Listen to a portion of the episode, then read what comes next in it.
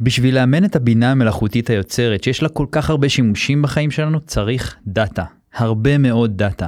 עם כניסת הטכנולוגיה עולות שאלות של זכויות יוצרים, מודלים עסקיים, של מי התוכן החדש שנוצר, חברות כמו טוויטר ורדיט שחוסמות גישה למידע כדי לא לאמן את המודלים האלה.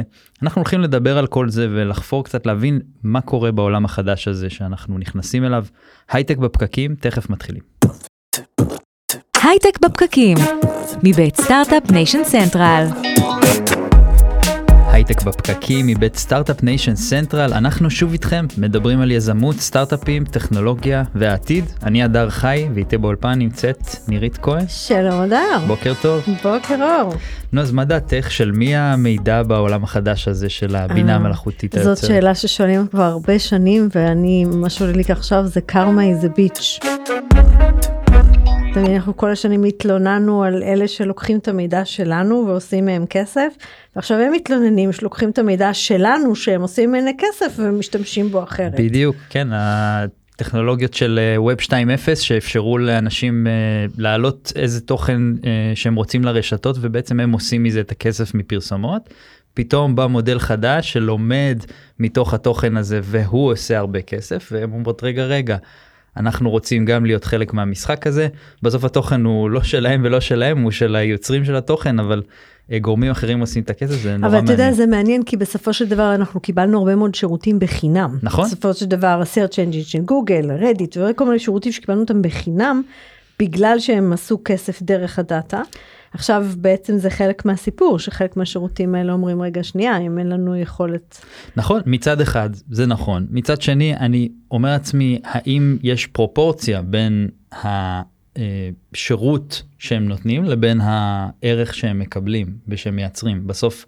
רוב הערך שהם מייצרים נוצר על בסיס זה שהם פשוט הפלטפורמה שעל גביה כל התוכן קורה. כן, שזה לא טריוויאלי, כן? ברור, זה לא טריוויאלי. ברור שלא. אבל זה, אבל, אבל זה תמיד, יש אבל פה זה איזושהי בעייתיות. זו שאלה גם כי אם הדאטה של, שלך, אז אולי אתה צריך לתת רשות, או, נכון. או, או שלא, כן. זו שאלה שהרבה שנים, ועכשיו אולי, אולי סוף סוף היא תעלה בחזרה לשולחן. אז אה, הולך להיות לנו מעניין היום בשיחה, אה, נמצא איתנו אור לנצ'נר, מנכ"ל חברת Bright Data, אהלן אור. שלום, שלום. אז ספר לנו קצת אה, בקצרה על Bright Data, ואז אה, ניגע בכל הנושאים שיש לנו היום אה, לדבר עליהם. כן, ותודה שהזמנתם אותי שוב. Bright Data, אחת מחברות ה web scraping הגדולות בעולם, אם לא הגדולה. אה, מספר אחד שקצת תיתן אה, הבנה ל scale שמדובר עליו, בשנת 2022, שנה שעברה, עברו דרכנו מעל חמישה וחצי טריליון request ים. request זה לקוח שלנו שניגש לאתר אינטרנט פעם אחת לאסוף מידע. זה בערך פי שתיים מכל החיפושים שנעשו בכל מנועי החיפוש ביחד באותה שנה. בוא נסביר רגע מה זה web scraping. בעצם, למי שלא מכיר.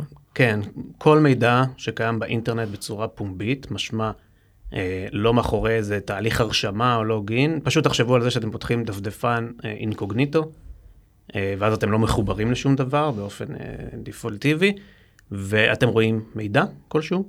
המידע הזה נאסף, הוא נאסף בערך מהימים הראשונים של האינטרנט לפני כמה עשרות שנים, והוא רק גדל המידע הזה, מודדים את זה כבר בזטה בייטים, זה 21 אפסים אחרי המספר. וואו. אז זה כמות אדירה של מידע שנמצאת באינטרנט. למעשה ה database הכי גדול בהיסטוריה של המין האנושי, ואוספים את זה, כי עם זה עושים דברים, למשל, לאמן מודלים של AI, mm-hmm. אבל אה, גם אה, להציל חיים, לבדוק מחירים של מתחרים, mm-hmm. הכל, והכל נאסף כל הזמן, מכל אתר. בוטים שבעצם סורקים את האינטרנט בעצם. בדיוק, שאוספים את זה, ה crawler הכי גדל בעולם כמובן זה גוגל. Mm-hmm. אז uh, זה מה שאנחנו עושים בערך מ-2014, אנחנו מפתחים את הטכנולוגיה לאיסוף של המידע. כ-15 אלף לקוחות, כולל החברות הגדולות בעולם. אז רגע שנייה חשוב למי שקצת פחות מכיר את העולם הזה, כשאתה אה, אוסף מידע ואתה אומר יש לי לקוח, לקוחות, אז אתה, יש מי שפחות מכיר, ישאל את עצמו רגע, ואני יכול ללכת לגוגל, מה זה, מה זה אומר לבוא אליכם? כן, אז אם את עכשיו רוצה לקנות נעל חדשה, אין, אין, אין, אנחנו לא יודעים לעזור לך. תלכי לגוגל, תכתבי את ה... לא יודע, נייק דגם חדש באזורי, ואחלה. אין משהו יותר טוב מזה. אם את עכשיו מנהלת אה, מותג באדידס, ואת רוצה לדעת את כל המחירים של כל נעלי הנייק במיקוד מסוים בכל הקניונים, גוגל לא, הוא חסר תועלת לדבר הזה, הוא לא נבנה לזה. צריך לאסוף בשביל זה המון המון מידע, נגיד במקרה, בדוגמה הזאת, מאתרי e-commerce, רלוונטיים, כ user רלוונטי שנמצא באותו אזור, ואז להכניס את המידע הזה שהוא לא מובנה, הוא unstructured, למין טבלה שמכונה יודעת לעבד ולקרוא ולהבין, ואז בסוף, אחרי כל הניתוח הזה, אותו. אפשר לה, באמת להבין את התשובה, לקבל תשובה לשאלה העסקית.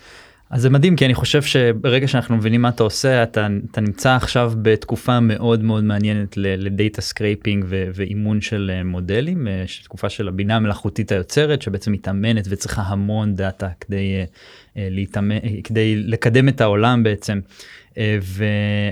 ואנחנו, אתה מספר לנו שהזמינות של הדאטה הזה דווקא יורדת בתקופה הזאת, עם מה שקורה בטוויטר ורדיט עכשיו, שהם חוסמים את הפלטפורמות. כן, תקופה מרתקת. קודם כל, סוף סוף כולם מבינים את הערך של web scraping. פעם זה עוד היה משהו שלא ברור מה זה, איך זה, אפור, שחור, לבן, וצ'אט GPT עשו חינוך לכולם, כולם משתמשים בצ'אט GPT, וכבר קשה לדמיין עולם בלי צ'אט GPT, ועכשיו כמובן יש עוד הרבה מודלים, בארד של גוגל, את ה-LLM אה, של מטא וכולי, LLM, large language כן. model.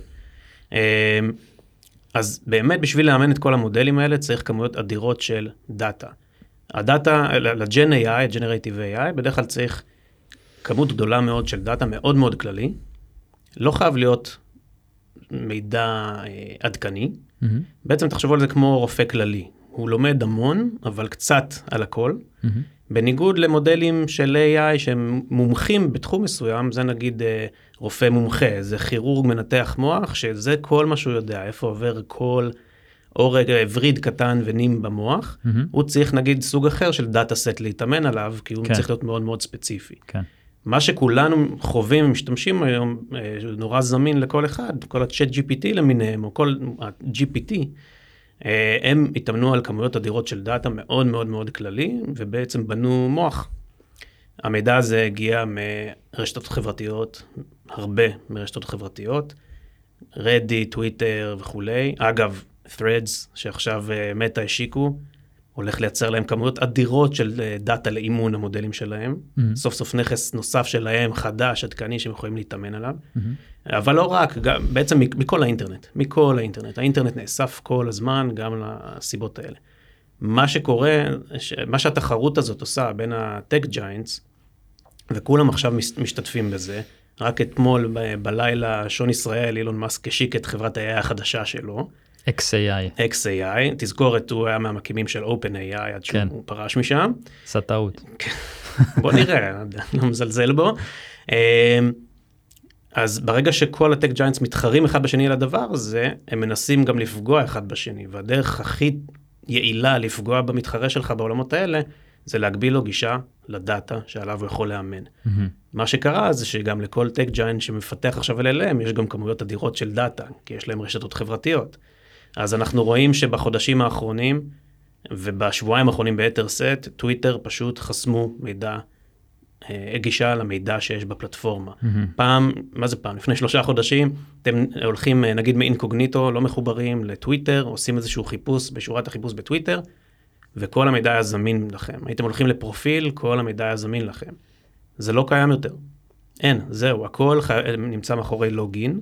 צריך להתחבר בשביל לעשות את זה. אנחנו כחברה מאמינים שלאסוף מידע מאחורי לוגין זה לא טוב, ואנחנו לא עושים את זה, וזה גם די הסטנדרט בעולם בתעשייה, mm-hmm. הוא כבר פחות נחשב פומבי, הוא יותר נחשב פרטי, וזה הדרך של אילון מאסק בהיבט הזה, והוא גם היה מאוד, אה, כרגיל, מאוד פומבי לגבי זה, פשוט לפגוע במודלים האחרים, שהחל מאתמול הם גם מתחרים שלו.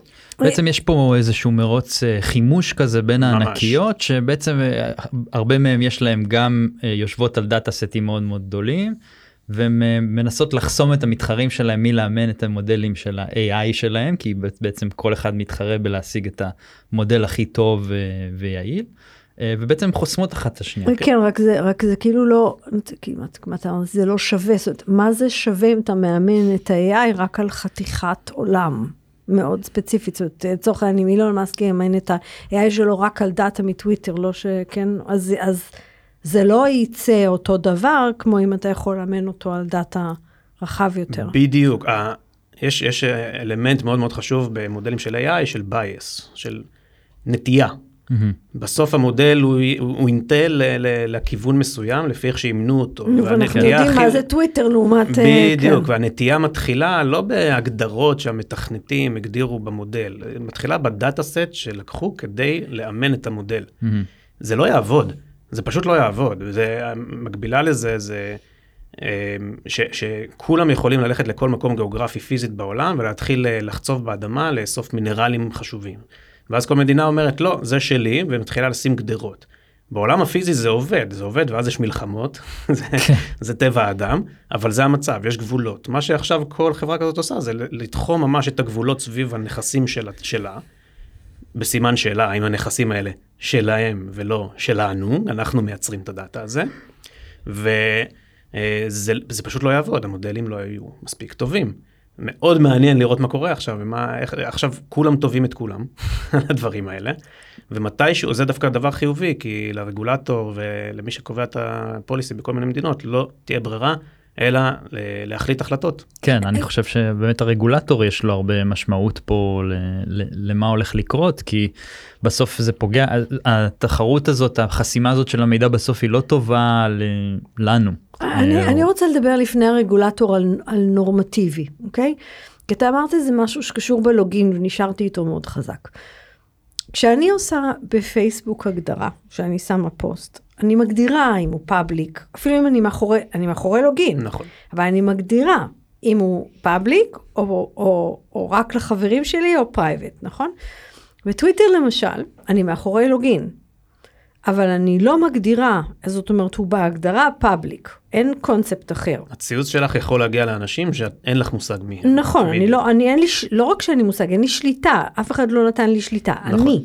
עכשיו, אם אנחנו הולכים על הקונספט שהבעלים של הטקסט הוא בסופו של דבר זה שכתב אותו, אוקיי? כן.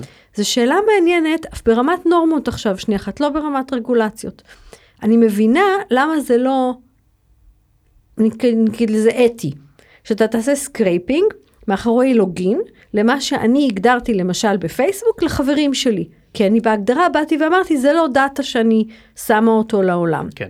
אבל מה שאני הגדרתי שהוא public, או טוויטר כנ"ל, מה פתאום שיגיד אילון מאסק, רגע, אני עושה לך overruling, הוא לא public, הוא משהו אחר.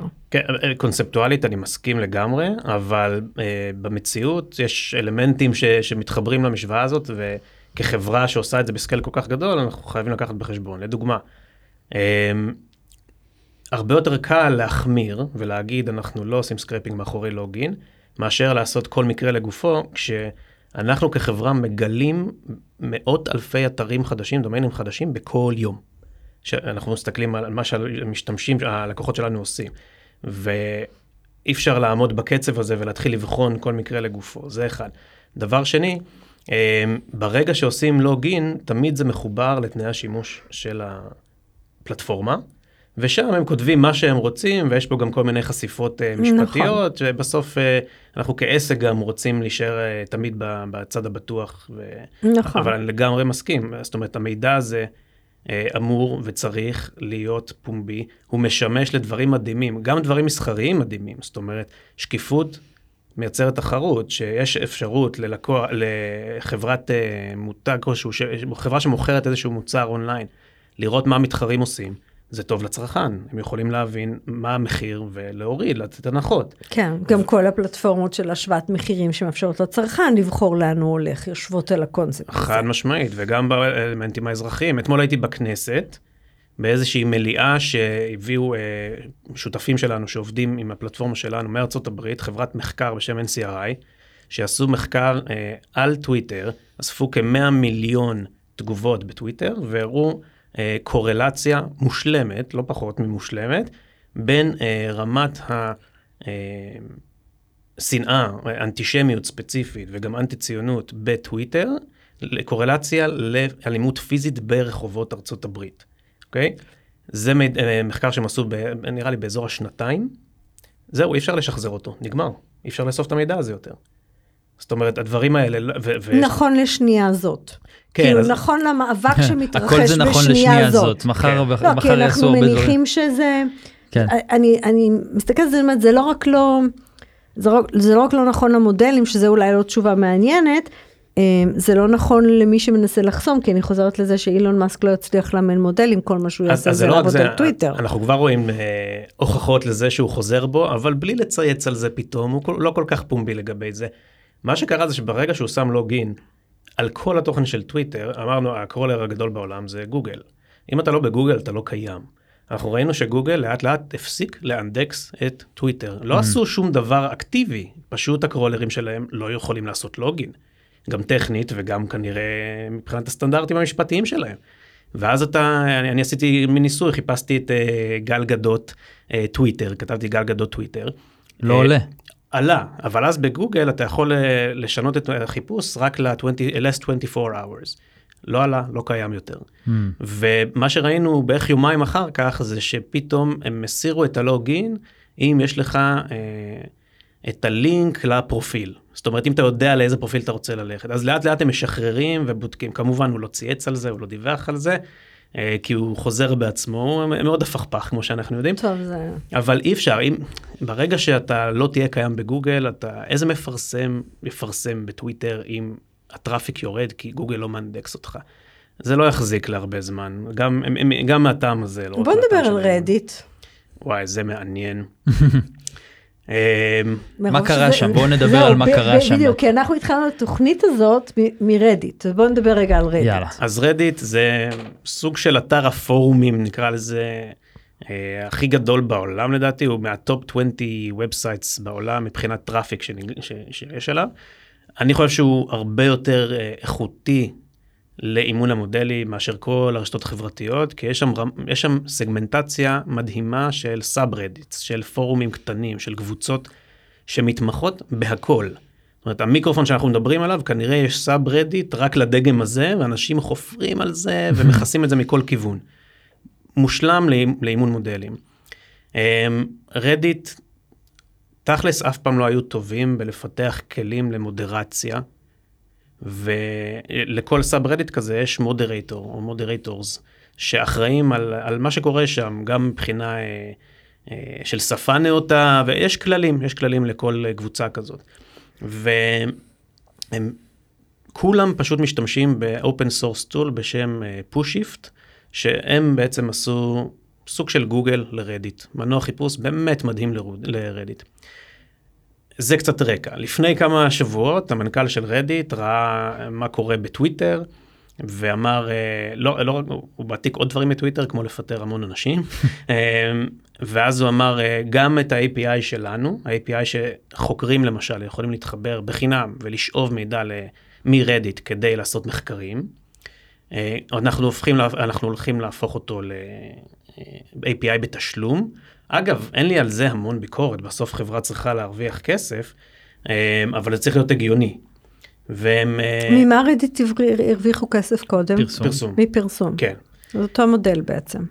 כן, זה, דאטה חופשי, פלטפורמה לשיח, ואנחנו פשוט עושים מזה עבודה. כן, וזה לא לא הגיוני גם לגבות כסף על. ה-API של הדאטה, אבל פחות אה, לחסום אותו לכולם ואז לבקש המון כסף, אלא יותר לתת איזשהו ערך מוסף נגיד ולגבות כסף על הערך המוסף. כן. כי באמת חוקרים הפס- הפסיקו לעשות מחקרים, זה לא להוריד הגיוני. את השלטר זה... זה- כן. ומה שהם עשו, הם גם הורידו את השלטר על Pushshift, על אותו כלי מודרציה. בו זמנית, וזה פשוט, אה, כל הקהילה של רדיט, שהיא עצומה, אה, נורא נורא כעסה. היא גם מאוד opinionated. מאוד מאוד מאוד. ושמונת אלפים moderators, בעצם בעלים של subreddit, של קבוצות, יצאו לשביתה, הם literally החשיכו. החשיכו את כן. הקבוצות האלה. כן, והכדור שלג שהתחיל הוא משוגע. בעצם זה השפיע תוך כמה ימים בכלל על גוגל. מסתבר שהרבה אנשים, כולל אני, בגלל שהחיפוש ברדיט הוא כל כך דפוק ולא יעיל, מחפשים דברים ברדיט דרך גוגל. כן, site רדיט, גם אני עושה את זה. בדיוק, ה-site רדיט, ואז אתה שואל שאלה, וגוגל פשוט מאנדקס ממילא את רדיט, כן. וזה המנוע החיפוש הכי טוב בהיסטוריה. כן. אבל 8,000 subreddits היו חסומים לגוגל, וזה לא עבד יותר, וזה גם משפיע על ה-traffic של, של, שנכנס לרדיט, והוא יורד. והמון המון המון לחץ על רדיט, ברמה שהמנכ"ל הוציא אימייל לעובדים לא, להשת... לא להסתובב ברחובות עם חולצות של רדיט, שלא יפגעו בהם וכל מיני דברים יואו. כאלה. אמ, ואז כמובן הוא התחיל להתקפל, הוא החזיר גישה ל-Pushshift, כדי שלמ-moderators יהיה את הכלים שהם צריכים כדי לנהל את הקהילה הזאת. הוא מנהל עכשיו שיח אה, עם הקהילה, במקום לשלוח כל מיני אימיילים אטומים כאלה של אה, לא מעניין אותי, אנחנו הולכים לגבות המון כסף. ואני חושב שמה שנראה בטוויטר נראה גם ברדיט, שלא בעוד הרבה זמן הם די יחזרו להיות כמו שהם היו, שזה אומר יחסית פתוחים לאיסוף המידע הזה. שזה נורא מעניין, כי באיזשהו דרך בעצם, לאט לאט, הבעלות על המידע חוזרת לאיפה שהיא צריכה להיות. זאת אומרת, אם אתם תנסו לחסום גישה למידע, אז אנחנו נזוז.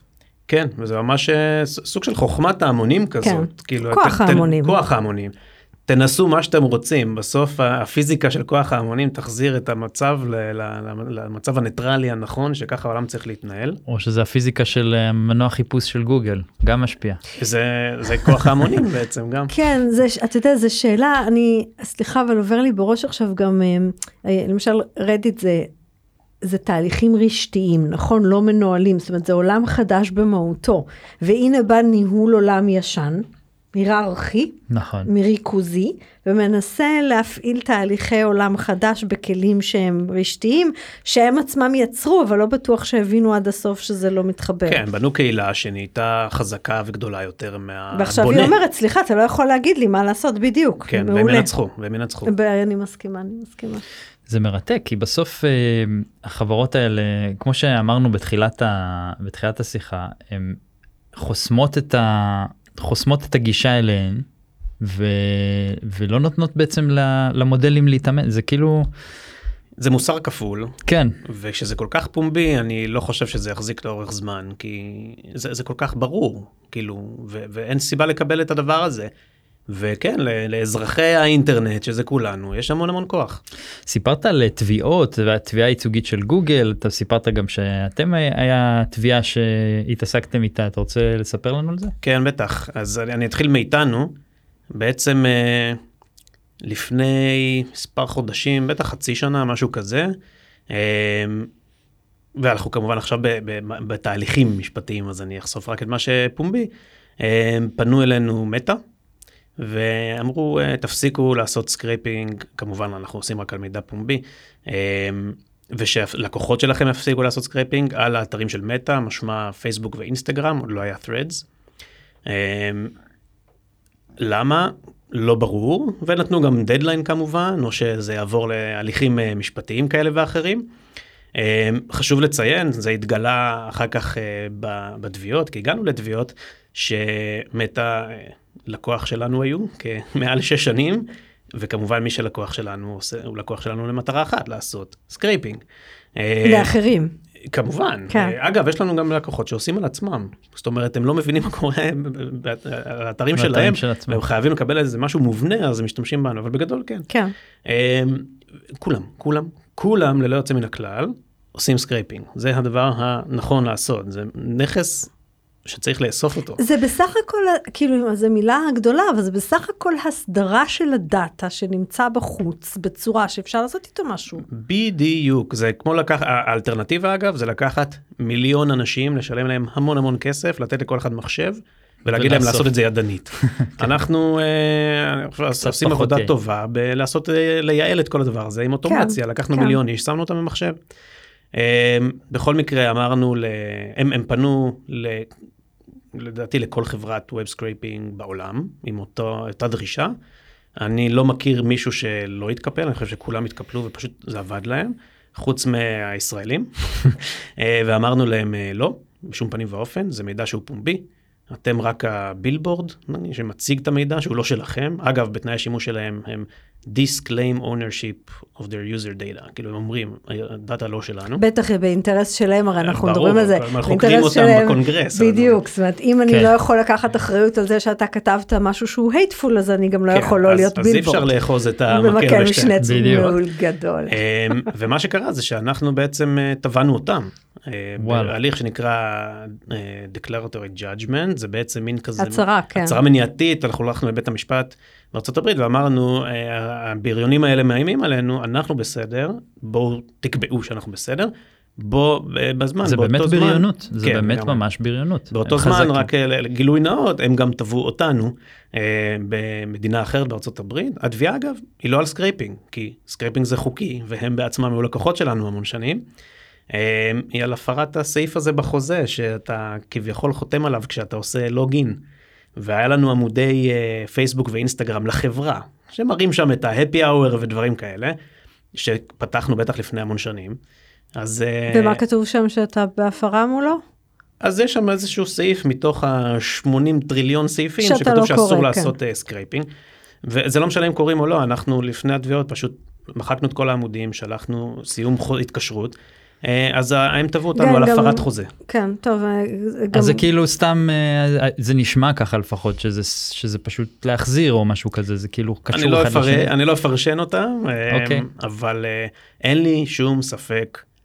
סתם ככה לבוא באיזה מדינה צריך ו- להיאסף וזה בסדר כן, וזה גם מה שמחליטים זה- בבתי המשפט. על, על, זה, על זה ילך עכשיו לדעתי הדיון, ו, ובאמת הסוגיה שככה אתה מעלה פה והיא מאוד מעניינת, זה המקל משתי קצוות. זאת אומרת, החברות האלה שנים מתעקשות שהן בעצם רק בילבורד, כי הן לא אחראיות על אבל פתאום המידע. כשזה נוח להם, אז הם כן בעצם אחרי- שלהם, ואם הוא שלהם, יש לזה השלכות הרבה יותר חמורות עליהם, זה יהיה בדיוק, מאוד ועכשיו מעניין. יש לנו המון רוח גבית, כי רק בשבועיים האחרונים נתבעו גם אה, OpenAI ואתמול אה, גוגל על זה שהם עשו scraping. עכשיו ברור שזה בסדר ושבסוף סוף סוף יהיה איזושהי החלטה תקדימית שאומרת שזה בסדר והכל טוב. דבר אחרון, מטא פרס... אה, הוציאו את ה-LLM שלהם ובגאווה הם כתבו בחלק הראשון, בפסקה הראשונה שהוא אומן אקסקלוסיבית אך ורק על publicly available web datasets.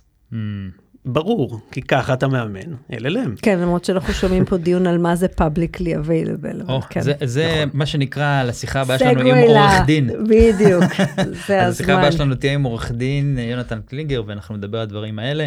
אור לנצ'נר, מנכ"ל חברת Bright Data, תודה רבה, היה מרתק. תודה רבה. ובהמשך לשיחה שלנו על התביעות והחוקיות ושל מי הדאטה, אנחנו עוברים לדבר עם אה, עורך דין יונתן קלינגר. שלום יונתן. שלום רב. אז uh, דיברנו על הסוגיה החוקית uh, של uh, מי הבעלים של הדאטה, מי ממסחר את הדאטה, uh, מה... מי יכול לחסום מה? מי יכול לחסום מה, מה הטייק שלך על הנושא הזה? אז השאלה פה היא בכלל לא שאלה חדשה.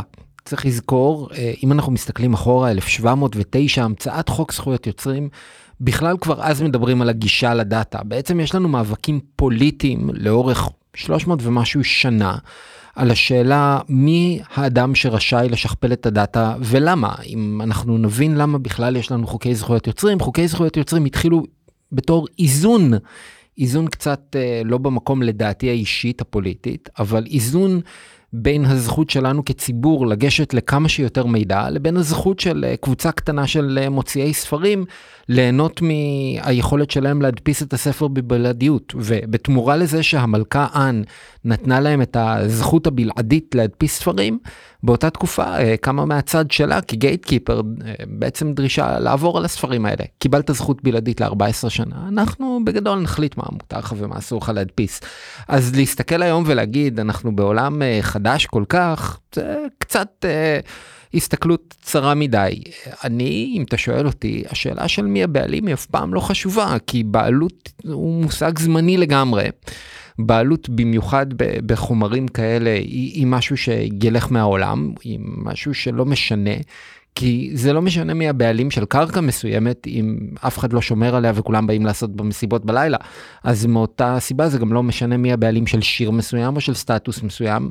אם once נצפיתי וואנס ראו שיר שלי והוא השפיע והטביע את החותם שלו במוח של מאות אנשים והם הוציאו מים משורה אחת בשיר, אז אולי אני הבעלים של השיר, אבל כשמישהו אחר לוקח את אותה שורה ומסמפל אותה, אז הוא כבר בעלים של משהו חדש. כשמישהו אחר מטביע את החותם שלו עם מים שהוא השורה מהשיר, אז יצרנו משהו אחר שהוא הבעלים אני שלו. חושבת שזה זה חלק מהסיפור שאנחנו נמצאים עכשיו בתקופת מעבר. זאת אומרת, פעם אחרונה אני ככה, שאני חושבת לעצמי על מה שסיפרת עכשיו, אה, בהתחלה היה תקליט, נכון? ובתקליט היו איקס שירים, ואם רציתי לשמוע שיר הייתי צריכה לקנות כל התקליט, וזה היה מודל כלכלי. או את הסינגל עם ה-A וה-B סייד. ואז הגיעו, ואז הגיע בעצם, בעצם לצורך העניין, אה, אה, דרך אפל בהתחלה, הקונספט הזה של אני יכולה להוריד שיר. וכל המודל הכלכלי של, של אני- איפה אני אתה... רק אה, אתקן אותך שנייה, המודל הכלכלי של אפל בא כתיקון שימושיות לזה שאת האפשרות להוריד שיר כבר היה לך פשוט בצורה לא חוקית, נכון, בפיראטיות. נכון, נכון, הם נכון. אימצו את אבל הם המנגנון בעצם, הם מהפיראטיות. בעצם יצרו, אתה מדבר על מערכת כלכלית, הם יצרו מערכת כלכלית סביב הצורך הזה. אני חושבת שאנחנו רואים עכשיו עוד פעם שיפט, כי אה, היה לנו ברשתות החברתיות השאלה של מי המידע, כן, של הפרט ששם אותו שם, או של הרשת שעושה ממנו מוניטיזציה, ואתה בעצם אומר, אם אני עשיתי מוניטיזציה, לצורך העניין כנראה שמצאתי דרך להפוך אותו לשלי. אמ, קצת נגענו בסוף של השיחה הקודמת, אז זה שזה משתי, משתי הקצוות קצת החזיקו את המקל הזה, כי הרשת שעשתה מוניטיזציה מהמידע גם רצתה ממש להרחיק את עצמה מה... אמ, בעיות שהוא יכול. כן. לגרום לה, נכון? ברשתות החברתיות. ועכשיו אנחנו פתאום באים עם כלי AI שעושים סקרייפינג, ושוב שואלים של מי המידע הזה. אז השאלה של מי המידע החדש שנוצר היא שאלה נפרדת מהשאלה האם מותר לנו בכלל לעשות סקרייפינג. כי, כי שאלת הסקרייפינג ולקיחת התוכן, יש לה כמה היבטים. יש היבט של זכויות יוצרים, יש היבט של פרטיות, יש היבט של סודות מסחריים, ו- וכן הלאה וכן הלאה. ואם אנחנו מסתכלים על כל אחד מההיבטים האלה בנפרד, זאת שאלה. השאלה הראשונה היא בכלל, האם מותר לי למרות שיש שם משתמש וסיסמה בשביל לגשת למידע מסוים, להיכנס לאותו מידע ולצפות בו.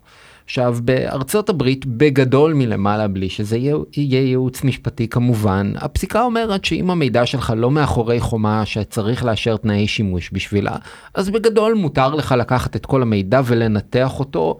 נשים עוד שנייה את אה, שאלות הפרטיות וזכויות היוצרים בצד. בגלל זה, אגב, להערכתי, אילון מאסק עשה את מה שהוא עשה בשבועות האחרונים והעביר את כל טוויטר להיות מאחורי חומה שצריך לאשר שם משתמש וסיסמה. כדי שיהיה לו את היכולת לשלוט במי לוקח ואיך הוא לוקח. השאלה השנייה היא שאלה של פרטיות.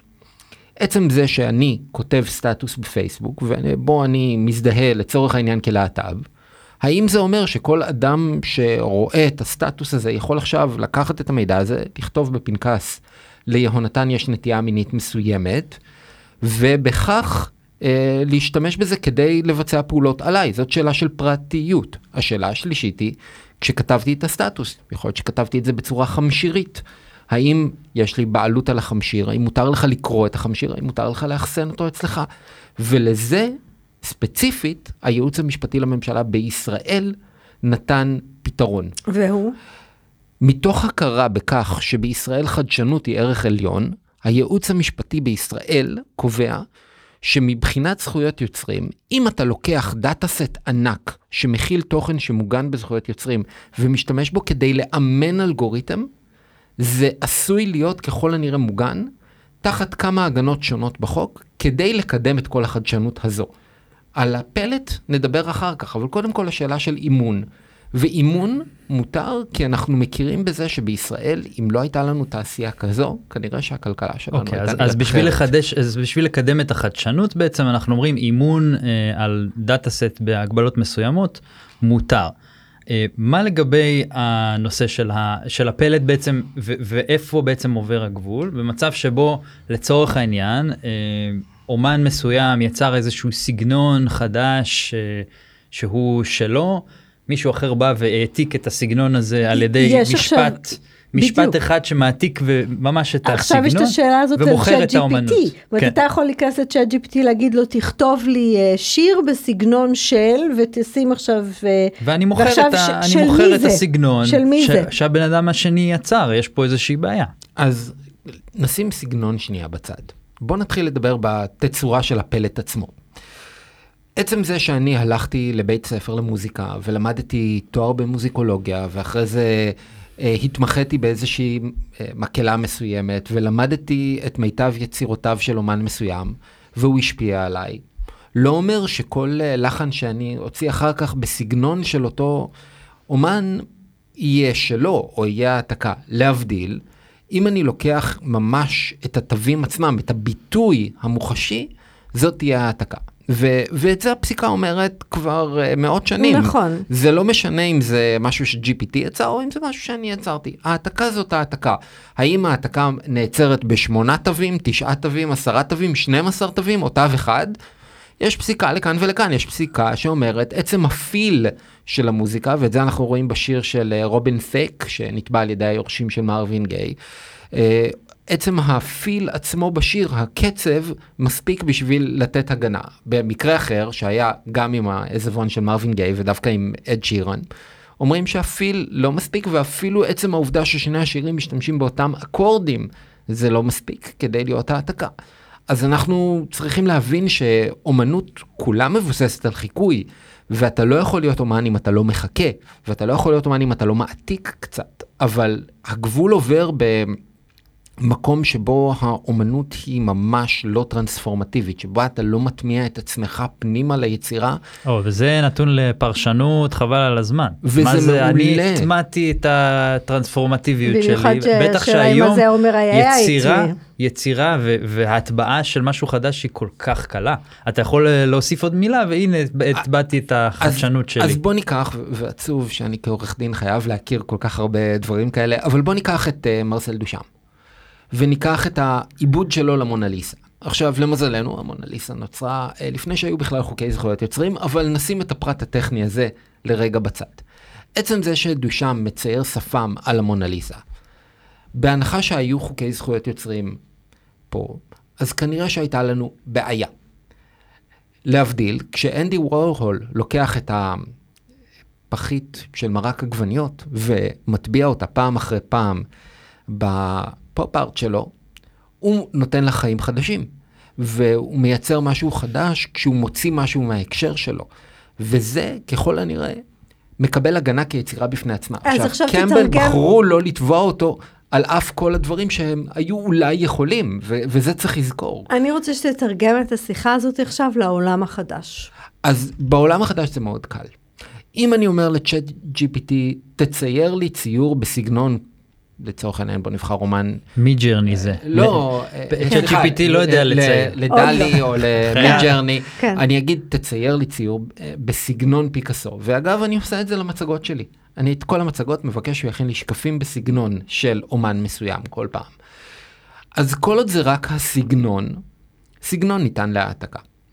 אם הוא ישתמש באלמנטים מדויקים, לדוגמה אם הוא יעתיק את השעון של דלי, אם הוא יעתיק את החמניות של ואן גוך פנימה לתוך ציור, זאת תהיה הפרה. עכשיו, ואן גוך, בסדר, אה, אני מעריך שהזכויות כבר פגו. יש אומנים שהזכויות לא פגו עליהן, ואז uh, מתחילה השאלה, אם אני אגיד לו, תכתוב לי סיפור בסגנון uh, ש"י עגנון, זה דבר אחד, ואם אני אגיד לו, תכתוב לי סיפור שממשיך את, זה משהו אחר. בדיוק היה, היה לי דיון לא מזמן על uh, Pride and Prejudice and Zombies, אם אתם מכירים את רב המכר. uh, בעצם העזבון של ג'יין אוסטין uh, עבר לנחלת הכלל, ומגיע סופר ומחליט לקחת את uh, הרומן האלמותי הזה ולהוסיף זומבים. ועולה שאלה, האם זאת יצירה חדשה? האם מותר להגיד שגם ג'יין אוסטין הייתה מחברת, כן או לא? וכל השאלות האלה לא, לא משתנות ברגע שהכנסנו GPT. GPT זה עוד כלי, בדיוק כמו שתהיה לי מברשת יותר עבה פתאום, או פלטה יותר יפה של צבעים. אני אבל כן רוצה לאתגר אותך פה כי בסוף הכלים של הבינה המלאכותית היוצרת הפכו את היצירה להיות מאוד מאוד מאוד מהירה 100x או 1000x יותר מהירה והדבר הזה מאפשר לך נכון לא כביכול לא השתנה שום דבר אבל קל מאוד. פתאום לייצר משהו חדש או משהו שהוא אז בסדר אז החמניה מופיעה אז בוא, נ, בוא נשנה בוא נ... הדברים האלה פתאום נהיו הרבה יותר מהירים וזה, ועצם ה- היכולת ליצור בכזאת מהירות מעלה את השאלות האלה מחדש כי, כי פתאום הרבה יותר קל ליצור ליצור משהו שהוא מבוסס על סגנון מסוים ליצור משהו פתאום היצירה נגישה לכולם. אבל אתה, אתה רק בשלב שבו אתה משנה את המהירות, אתה לא משנה את התוכן, וזה בדיוק העניין. זה בדיוק כמו המהירות הסינתסייזר. נכון אבל למהירות יש משמעות ול- אה. ולמהירות ולא רק למהירות אלא גם ליכולת של כולם פתאום להיות אומנים. כן, אותו כאילו, דבר הסינטי. אה, רגע, דקה, לפני שאתה עונה לו, זאת אומרת, אני רוצה להוסיף שני, שני חלקים. אחד זה אני, אני לא סגורה שרק שינת, שינית את המהירות, כי הוא עושה, סין, הוא עושה סינטוז של, של, של מידעים וזה, שזה לא בדיוק להגיד, אני הסתכלתי עכשיו על תמונה של ואן גוך והעתקתי את החמניות והוספתי להם עלי אדום ולכן זה שלי. זאת אומרת, הוא, הוא עושה סינטוז, וזה יכול להיות שהוא מביא אמ, חומרים מאוד מקומות ואפשר לשאול את השאלה כמה מזה זה זה תוספת. ואני חושבת שהוא, והחלק השני, אני חושבת שה, ש, שהוא, הדר מעלה פה זה, זה הכולם. מתי בעצם, אמ, אני לא יודעת אם, אם מותר להגיד נור, נורמטיבי, אבל מתי בעצם זה נהיה, זה נהיה כאילו, אתה לא יכול לשלוט ב-IP יותר, זה כאילו לא הגיוני. הלוואי, אם תשאלי אותי בתור אה, איש שמאל, בן אדם שרוצה כמה שיותר ידע חופשי, כמה שפחות אה, קניין פרטי וכמה שיותר שימושיות לחברה בכל הקניין, אם אנחנו נצליח להפחית את הגנות הקניין הרוחני, בין אם זה פחות פטנטים על תרופות ורפואה יותר זולה לנו, ובין אם אה, פחות הגנה על תרבות, וזה אומר שכל אחד מאיתנו יכול לצרוך יותר תרבות, זה יהיה נהדר פוליטית. אבל הבעיה שלנו זה שללוביסטים של הקניין הפרטי יש אה, תמיד הרבה יותר אינטרסים והרבה יותר יכולות כלכליות מהצרכן הקטן. ואם את שואלת מה יקרה, אז יקרה בדיוק כמו שיצא האינטרנט ולכולם פתאום היה נאפסטר וכולם היו מורידים בסתר שירים למחשב שלהם. רוב המקרים שאת תראי של יצירה על ידי האדם הפרטי, גם אם זאת הפרה קטנה וגם אם הכנת מצגת אה, לחתונה, בר מצווה, אפילו אירוע עסקי כלשהו, והשתמשת בצילומים, או אפילו לצורך העניין אנחנו תמיד מביאים את דוגמת הקוסמטיקאית הקטנה שמשתמשת במיד ג'רני בשביל לייצר תמונות לעסק שלה, גם אם תהיה פה העתקה, בגדול לאף אחד לא אכפת. מתי זה יתחיל להיות uh, בעייתי? זה יתחיל להיות בעייתי כשהגדולים ישתמשו בזה, ולגדולים כבר עכשיו יש גם את הכלים וגם את הכוח, ואז יכול להיות אחד משניים.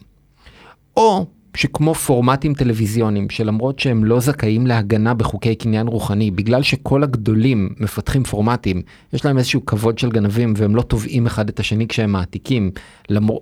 והם לא מעתיקים אחד מהשני כי אין באמת הגנה על פורמט אבל הם עדיין מכבדים אחד את השני אז יכול להיות שלא תהיה בעיה. והאופציה השנייה היא שהם ואת יודעת, גוף ששווה מיליארד דולר יתבע גוף אחר ששווה מיליארד דולר, לא בעיה שלי, שהם ייהנו. כן, אני חושבת שאנחנו אני... אנחנו דיברנו מקודם על כוחה, על כוחה של ה... כוחו, כוח של, כוחו של ההמון והמשתמשים, האם הוא ייכנס ויעשה פה save ובעצם יגיד סליחה, בעלים על רשת רשתית, אתם לא יכולים עכשיו להחליט עלינו יותר. זה, זה יותר בכיוון של אם תסתכלי על דברים שקורים ביוטיוב, יוטיוב הוא לא מערב פרוע. הוא מקום שבו יש חוקות, חוקי זכויות יוצרים, יש אכיפה אפילו יחסית אגרסיבית נכון. מצד גוגל. אבל גוגל כפלטפורמה מצאה פתרון, והיא בעלי, בעלי הזכויות ואומרת, עזבו אתכם באמא שלכם מילד בן חמש שמעלה את עצמו, שר את let it go. בואו, קחו 20 סנט לאלף צפיות שיש עליו, אנחנו נציג פרסמות בצד, הכל יהיה בסדר, תעזבו אותו. להבדיל אם הוא ירצה להרים ערוץ יוטיוב ולפרסם מוצרי אלקטרוניקה אנחנו נגיד לו אדוני את המוזיקה ברקע אתה חייב לסדר לה את ההרשאות. Mm-hmm.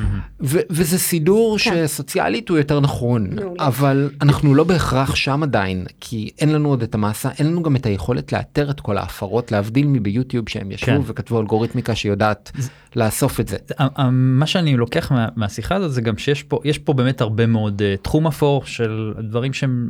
אתה לא בהכרח יכול להגיד זה הפרה או לא הפרה ו- ואני חושב גם דבר נוסף שיכול להיות שליצירה עצמה כאילו לזכויות עליה יש פחות משמעות מאם לא יודע לצורך העניין יצרת קהל סביב סביב היצירות שלך או, או יש אנשים שעוקבים אחריך ואחרי מה שאתה רוצה להגיד ומה שאתה רוצה לכתוב וזה כנראה שבעולם החדש יש לזה הרבה יותר משמעות מאם היצירה היא שלך כי בסוף אפשר תמיד להעתיק ממך ולשנות קצת ו, וזה יהיה חוקי וזה יהיה בסדר על היצירה עצמה אולי יש פחות משמעות מלהזדהות ולקשר של בני אדם עם היצירה ועם ה, אה, מה שנקרא מה שקורה ברשתות ה-followers וכל הדברים האלה. יצירות היום מתמסחרות בדיוק כמו מניות של חברות, שיהיה ברור. טיילור סוויפט מוכרת את כל הפורטפוליו שלה, את כל הזכויות בכל השירים, מקבלת, אפשר לקרוא לזה ממש סקנדרי, אה, והבן אדם החדש, כל פעם שמשמיעים שיר שלה ברדיו, אה, מקבל תמלוגים. וזה קורה לא רק איתה, גם עם אומנים אחרים, אומנים קטנים ומסחרים גם כן. כלומר, אין לנו באמת מצב שבו יש את האומן הקטן שיושב לו בעליית הגג, אה, מחבר שירים, והוא חי מזה שתיקנו את התקליט שלו. אז כש, כשאנחנו מסתכלים על זה ככה, כשאנחנו רואים שהמודל הכלכלי של אומנים הוא או להתמסחר ולמכור מוזיקה לפרסמות, או לעשות כמה שיותר הופעות, או אה, להיות באתרים כמו קמיו ושאנשים ישלמו בשביל התשומת לב, אז אנחנו בעולם שבו העולם צריך על להתאים את הזכויות עצמו. לא מעניינת. כן, בדיוק, הזכויות יוצרים, העולם החוקי צריך להתאים את עצמו לזה. עורך דין יונתן קלינגר, תודה רבה שהיית איתנו. תודה רבה לכם. ותודה לכם שהאזנתם לנו, אה, היה תוכנית, אה, הייתה תוכנית מאוד מעניינת, נכון נירית? אני מאוד, אה, מאוד מעניין אותי לראות איך הסיפור הזה יתפתח, כי יש פה לדעתי, אני חושבת כל התוכניות שעשינו על הכוח אה, של הרשתות, אה, כן או לא, למנוע אלימות ושפה וכל מיני תהליכים, דיברנו כל הזמן על האחריות שלהם, והנה פתאום, פתאום השיחה הזאת של תוכן הופכת להיות רלוונטית למי שמחזיקים על פלטפורמות. כן, ו- ומה שאור הזכיר על המחקר הזה של הקשר בין אלימות פיזית לבין מה שקורה ברשתות זה, זה מדהים ומטורף. יש לנו גם עולם חדש כזה שאנחנו נכנסים אליו שמעניין לראות איך, איך הוא ייבנה ואיך המודלים העסקיים ייבנו. אה, תודה ל Start-Up Nation Central ולכלכליסט על שיתוף הפעולה אנחנו מזמינים אתכם גם לקבוצת הפייסבוק שלנו שנקראת הייטק בפרקים להצטרף לדיונים לפני התוכניות לשאול את השאלות לפני השידור תודה לטובה שמאנוב אורי טולדנו לינור גריסריו אורטל כהן ואופיר זליקוביץ' על ההפקה של הפרק היום. מוזמנים להמשיך ולהאזין לנו באפליקציות. תודה נירית כהן תודה, הדר חי. אני הדר חי להתראות בפרק הבא.